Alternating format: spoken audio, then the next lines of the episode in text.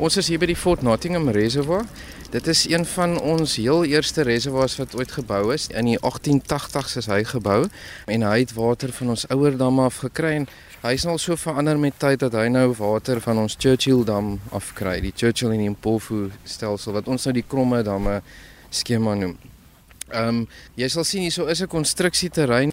Hierdie is een van die droogteverligtingprojekte waar ons 'n boorgat gesink het reg langs die reservoir.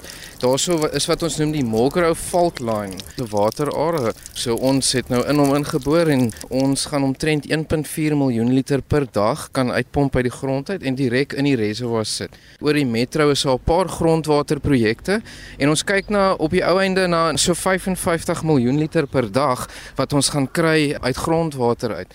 En ek weet baie baie mense wat sê nee maar gaan julle nie die grondwater nou opgebruik nie en uh die die ding is ons het baie moeite gedoen om 'n paar opgeleide mense Dr. Ricky Marie is een van hulle in die grondwater en wat ons noem die yield dis die hoeveelheid water wat ons kan trek. Soos ek sê hierso is omtrent 1.4 miljoen liter per dag en dit is 'n baie veilige produksiesyfer dit gaan voorkom dat ons die aar plat trek. Die plat trek dit beteken dat jy soveel van die ondergrondse water trek dat die seewater kan instoot in die ondergrondse en dan kan jy nooit weer daai water gebruik nie.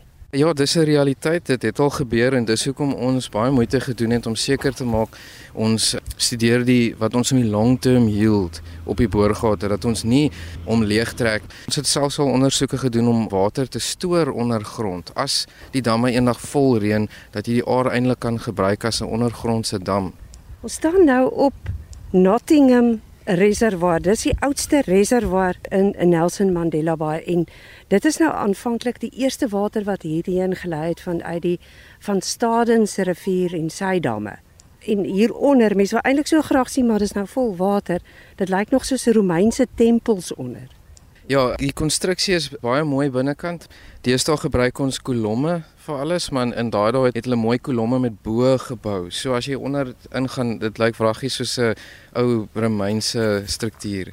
Maar nou goed, terug na die waterbesigheid in hierdie Kirkdroë Baai. Uh, Chandray Barnard, jy as adjunkdirekteur grootmaat watervoorsiening van Nelson Mandela Bay munisipaliteit. D dit is nou die droogste Januarie in 'n 100 jaar. Hier waar ons ook staan waar die gras groei op die dak van die resort, alles is dood dit is seker 'n verskriklike groot uitdaging vir julle om aan almal water nog steeds te kan voorsien of werk die Gariepdam goed? Ja, ons is eintlik baie gelukkig dat ons ons probeer die las versprei die stad van Kaapstad, hulle hulle moet kyk na hulle damme. Hulle oppervlakwater, dit is wat hulle het om hulle te voorsien. Ons is gelukkig dat ons het die stelsel wat ons noem die Algoa system. Dit is nou ons westelike damme, die Groendal, Churchill en Pofu, Kougan, Luri damme. En dan het ons die Gariepdam wat ons ook water vanaf kry. Dit help ons verskriklik want jy het gewoonlik twee verskillende weerspatrone by die damme omdat hulle so ver uit mekaar uit is. So dis nie gewoonlik dat die gariep en ons damme saam deur 'n droogte gaan nie. Dit gee vir ons definitief meer sekuriteit. Ek weet daar's mense wat vra wanneer gaan die pipeline klaar gebou word van die gariepdam af. Hy is klaar. Van die vroeë 1990s gebruik ons hierdie water elke dag. Op hierdie stadium gebruik ons omtrent 180 miljoen liter per dag van die Gariep af. En ons probeer met fase 3 die kontrak wat nou nog uh, moet voltooi raak, sal ons dan opgaan na 210 by die suiweringswerke self.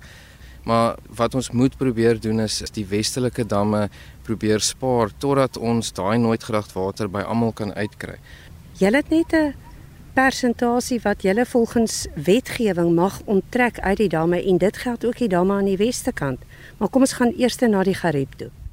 Ek dink is goed dan vir my om te verduidelik hoe waterallokasie werk. Elke jaar ehm um, departement van waterwese, hulle hardloop hidrologiese modelle waar hulle dan vir ons die operasionele reëls gee vir die dam.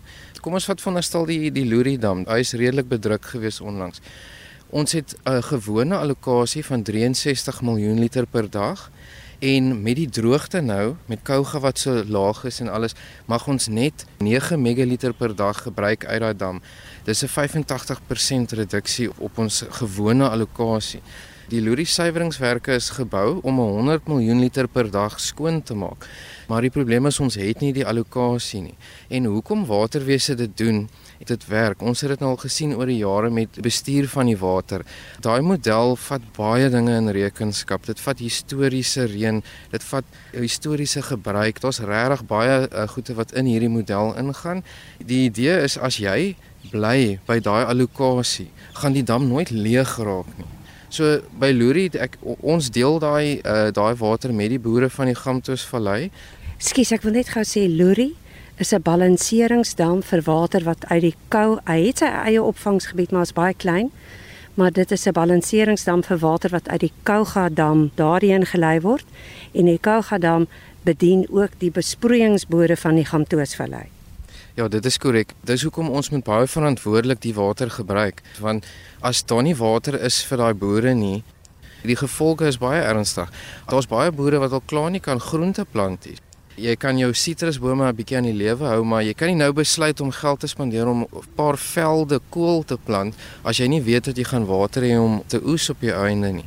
En as jy dit nie oes nie, is daar nie 'n drywer in 'n trok wat dit dorp toe ry nie. Daar's nie 'n pakhuis wat bokse koop by iemand wat bokse maak nie. So dit is is 'n baie groot effek en dis hoekom dit is baie belangrik vir ons om verantwoordelik te wees met die water.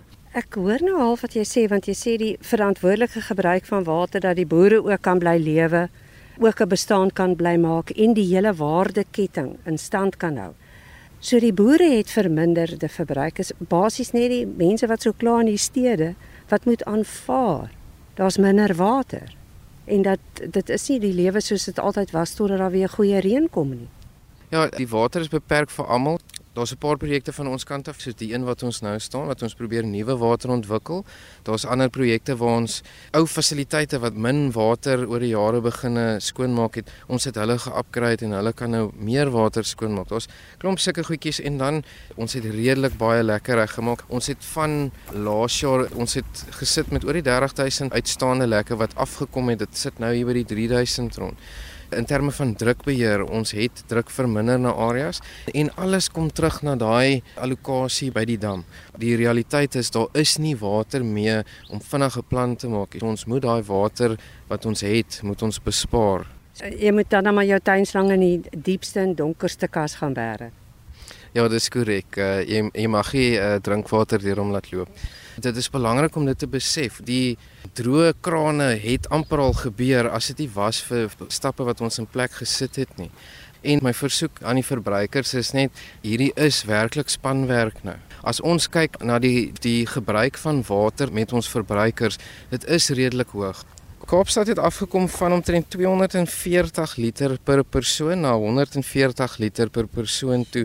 Hulle noem dit liter per capita per day. Dit is jy vat die hoeveelheid inwoners in jou stad gedeel en jy vat die hoeveelheid water dan werk jy daai syfer uit. Nou Kaapstad het afgegaan van 240 na 140 toe.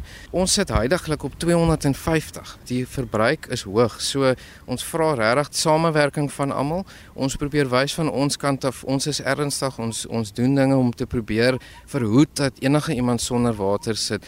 Maar as as die verbruikers help om regtig verantwoordelik met hulle gebruik te wees, dan gaan dit soveel makliker wees vir ons almal wat hierdie bron deel om om nie sonder te sit nie.